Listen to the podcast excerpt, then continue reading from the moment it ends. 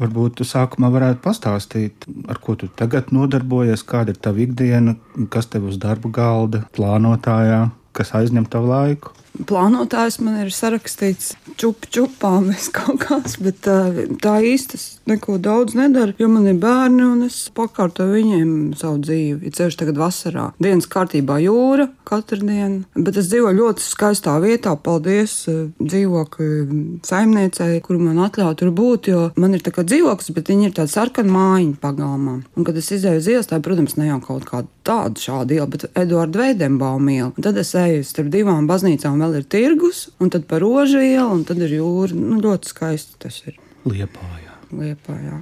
Un pirms tam man vienmēr teica, tu esi no Liepājas, kas dzīvo karostā. Un tad es tā teicu, nē, nē, es neesmu nekādā Liepājā, es esmu karostā. Liepājā tas ir kaut kas cits, man vispār Liepājā nepatīk. Un tagad es dabūju pārsteigumu, jo es nezināju tādu Liepāju. Tas tāds mazliet proletariāta rajons ir. Tur izrādās ir dzīvojis gan Zigmārs Liepiņš, gan Freimans, gan, gan un gan, un es maz nezinu, visi tur ir dzīvojuši, izrādās. tu pieminēji, ka tu pakārto savu dzīvi bērniem, un runājot par tavu dzīvoju krājumu un tajā izstāstītajiem stāstiem, tur jau tā pakārtošana tā nebija gluži dzīves pakārtošana bērnu dēļ, bet darba dēļ. Vai es pareizi to secinu? Galvenais ir darbs, ka cilvēkiem galvenais darbs, bet tad nebija. Viņiem nebija vienkārši izvēles. Jā. Nebija izvēles, tas bija kolhoz laiks, un arī tad, tad izsūtīšanas, tad pēc tam ir uh, Staļina laiki. Nu, tās burtiski bija klaušas, jo bija arī tā, ka tad, tad tie vīri nodzērušies pārsvarā sievām pa dienu jābūt kolhozā, vakarā savs dārsts. Nu, tas bija ļoti smagi. Es domāju, ka lielākā daļa, tad tie 70, 80 tā arī dzīvoja un to tā. Zinu, lai gan, protams, mums tas galds bija bagātīgāks, nebija mums jāiet zilās vārnas. Mums bija tāds no laukiem, parasti pilnie grozi, bet uh, tas darbs bija ļoti smags, un to es tikai tagad saprotu, arī tā kā es atskatos. Tad jau es, es biju tāds ienāzīts pļāvām. Man neviens pie darba nelika, jo nebija diži jēga.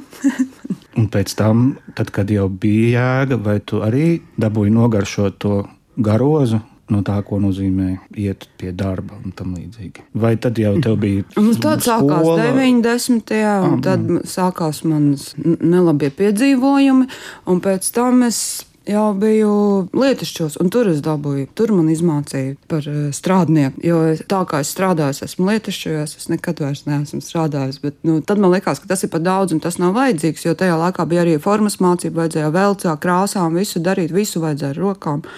Divi gadi bija tā, ka, ka bija tikai skola. Četros viņi beidzās, un pēc tam vakarā strādā. Sestdienās, svētdienās strādā, brīvdienās strādā. Un tur es arī iemācījos sev disciplinēt, kad ir darbs, tad viņš ir jāpabeidz, kad apsolu, tad ir jāizdara. Jo mums tur bez žēlastības nāca komisija. Nebija tā, ka tev ir slimības lapa vai, vēl kaut kas. Tad mēs naktī tur sēdējām un strādājām. Un, un tas man daudz ko devis. Ir it kā cita joma, bet uh, tur es iemācījos. Bet ar zemes darbiem es tikai šogad mācos. Man ir Pētersīļa, Majorāns, viena roza. jo man ir puķa doma pie deguna. Bet eh, man tā sevišķi neveicās. Es nesaprotu. Man eh, mammai ļoti patīk, un man draudzenei patīk. Nu, tā kā viņiem ir tie zaļie pirkstiņi, ir, bet man tā nesanāk. Es tikai tā. Kā tev šie dzējoļi sakārtojās? Vai tā ir chronoloģiskā skatījumā domājot, vai tur ir kaut kādi darbi, kuri ir vienlaidus ritmā tapuši, tad ir kaut kas no kaut kādiem iepriekšējiem periodiem, kā tu sakomponēji to stāstījumu? Ir tā, ka es viņu rakstīju tā, trīs posmos. Pirmais man bija zibens no debesīm, kas saprata, jā, es gribu šādi. Pirms tam man likās, ka varbūt rakstīt prózu. Man patika Nerinējā abargi Gana, man šķiet, tas pareizi izrunā, armēņu tautības rakstnieks. Tur no debesīm nokrita trīs āboli par saviem laukiem. Viņa uzrakstījis un par to izmirstošo ciematu. Man likās, ka es arī gribētu kaut ko tādu sirsnīgu. Bet uh, tad es sapratu, ka, nu kā man tur ir viens sēta, īsti jau nekā nav. Nav tie tie darbojošie personāļi, tad man sanāk tikai tāda kājas sildīja rasā, nu tas eh, klasiskais, kas jau mums te ir bijis. Un tad vienā mirklī es sapratu, ka es varu rakstīt nu, tie, kas ir pašā sākumā, tie garie palagi, ne, bet tie garie, garie dzējoļi, šeit ir laikam trīs palikuši vai četri. Es uzrakstīju, ļoti aizrāvos, uzrakstīju varbūt kādus septiņus, un tad sūtīju jau Dacei. Sparāne izdevējai. Viņa tā kā mazliet ieturēja pauzi, es sapratu, ka kaut kas tomēr nav īsti kārtībā. Un pat es nevarēju vēl tā īsti saprast, kas, jo es septiņus gadus varētu teikt, ka vispār dzēju nerakstīju. Ne cik um, nu, kaut kādi divi pārpratumi man bija gadījušies. Un es sapratu, kaut kas ka, tāds, kas tev pašai nepatika. Tu, es biju domā, pārāk ļāpīga ah, tajā, mm. nu, pārāk prozaiski, man mm. likās. Un tad pagāja gads. Un tad jau man radās tie dzējoļi, kas ir otrā daļā pārsvarā, kur kā, tiešā runa, kur Lidija saka no sevis, kur Kārlis saka, no, nu, tā kā tie varoņi runā. Un tad jau man likās, ah, nu tik būs, nu jau būs gatavs. Bet tā kompozīcija bija pavisam bēdīga. Aizsūtīja atkal izdevēja. Viņa teica, nu lai vēl noguļās. Bet es pati jūtu, ka it kā es viņu mēģināju stiķēt kopā, bet kaut kas nav, kaut kas nestrādā. Un tad šitajā pavasarī Es domāju, nē, nu jāsaņemās, jāpārlasa, kas man tur notiek. Un es pārlasīju, un piepeši mājās ar visiem bērniem. Nu, tad vēl gan mazais gāja uz skolu, un bija vairāk brīvāk tā diena. Un sāka rakstīties, kā iztrūks tiešie puzles gabali, kuri tur trūka, un līdz ar to es nevarēju salikt. Un es viņus uzrakstīju, kaut kādas septiņas, zejojos astoņas, un tad viss salikās pa vietām, tā kā, nu, tā kā nomērīts. Un es skaidri zināju, kas tur sākās, ar ko beidzās. Bet pirms tam bija tā tāda, tā tāda liela LEGO kastē rakņājies un skaties, o, šis labi, šis ne, varbūt metu ārā. Kādas trīs, četras es gan izlidināju lauku.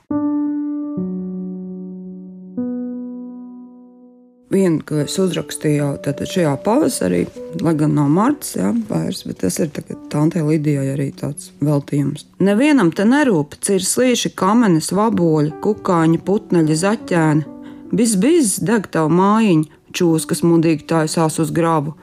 Marta mēnesī Hestija, zeva māsa ar sērkokiem kabatā, dodas uz pļauju auglības rēķinus kārtot, Mati tai sarkana vējā kratās kā liesma, zeltaino zāli uguņa nolaiza šņarkstot, sieviete valda pār pļauju mierā un cienībā vēro. Rīgais vilnis klausīgs stājas pie grāvja. Viņa uzmana vēja virzienu, zvetē ar kāju. Vēl pirms rimusies pēdējā dzirkstēl trakot, labs darbs, kas padarīts tā taukošākā rota, zeme kopu krūkšķošu ogļu mēlu garozu rupja. Sīko dzīvību pelna virmo kā putekļa gaismā, nebimbo buciņu, saknēm visģelda, tās asnos, lidītāns soļo pat taisno pie māvējām kūtī, bet es vēl ilgi eju ar līkumu, kurš man ainavā aizlāpīs caurumu, kad viss sadzīs. Tu varētu pastāstīt nedaudz vairāk par um, tām galvenajām trim sievietēm, par Augustu Lidiju un otru Lidiju. Protams, ka tas ir neiespējami tādā sašaurinātā formātā, bet kaut kā varbūt tu vari pamēģināt paskaidrot to viņu ciešo sasaisti ar to, kas tev viņas bija.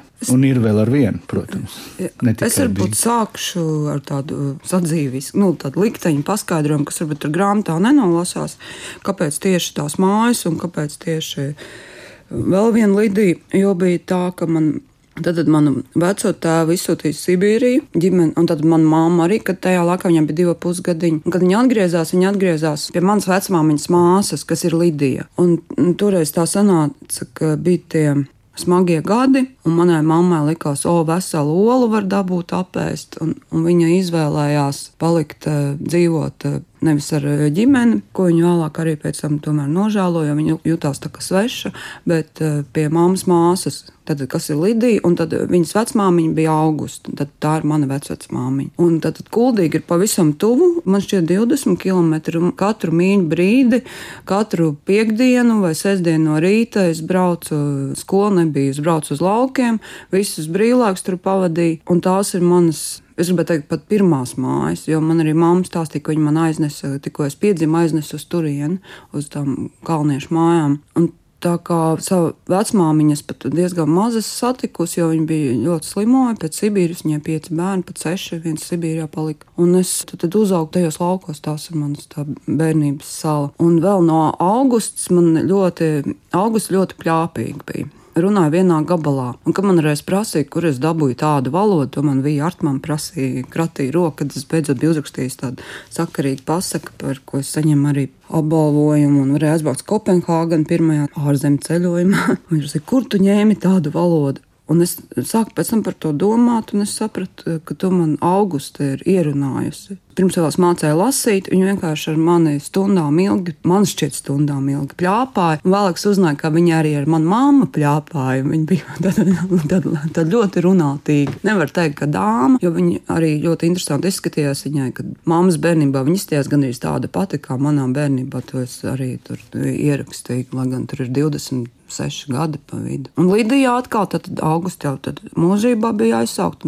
Mēs ar Lidijas tanti vakaros dambrats spēlējām un cūkas, un viņa gāja pie darbiem, un es tur vazājos apkārt, un mēs bijām tāds divas draudzenes, lai gan viņa bija tāda pilnīgi savādāk nekā es. Viņa bija tāda tiešām tāda smalka, bet laukos dzīvoja. Bet viņam vienmēr bija svarīgi visi apsveikumi, jaungada Ziemassvētku. Ziemassvētku nebija tajā laikā, bet visām jubilejām tāda manierīga diezgan. Bet tās ir tā kā varētu teikt, ka viņas man, es pat nevaru teikt, ka uzaudzinājušas. Citreiz es jaucu vārdus un pats saku, ka, ka es uzaudzinu tos um, pētersīļus, bet bērni man aug paši, nu, tā kā viss tā otrā. Es tur tā savā vaļā. Tā, tāds dabas bērns tur bija. Bērns dabā. Oh, tā arī var. gan tā, gan tā. Labi, vēl viena tāda izlasīšu. Tas ir, ko saka Kārlis. Tad, tas ir mans eh, tantes Lidijas vīrs, un, un kurš tieši nomira tad, kad eh, mamma bija pēdējā mēnesī ar mani, tad neviens eh, nebija, kas vairs palīdz to saimniecību vadīt. Un tas viss bija tādos skarbos toņos diezgan. Bet šeit es mēģināju iekāpt viņa ādā un runāt no viņa pozīcijas. Kārlis. Turi manu roku stipri, stipri, zelta drūvas kūpoši lauki, iedeguši traktoristi, brāļi un draugi, dzīvie posmi starp mehānismiem un zemi, tie, kur cīnās starp gaismu un sauli, tie, kur ieplēš zemē zīmes un ved mājās baltus graudus, spirti, spirti. Turi man rokas stipri spirti, palīdz piecelties, tu taču mācēji, sagādīt mani vakar mājās tik silta. Celsimies prom no šīs kušetes cirozes, tiksim atpakaļ mūsu sākumā, kur pāri rūkstošai zemē tu tuvojies balta, ar kalām pār roku, kur tūbas un tromboni, kur viesa mutes maļ pamīšus, cerīgas dziesmas un cienastus, caur dubļiem un visbuļiem gavilas Tunaks solījās priekā turēties mūžīgi, bet šajā spriegumā starp dzelzi un zemi vajag spirtu. Mani vīri stipri, spirti, stipri, spirti, stipri. Tava plauksta izirst kā aukla, šūpojās naktī, viens un degošs, pilns alku, sāpju un slāpju.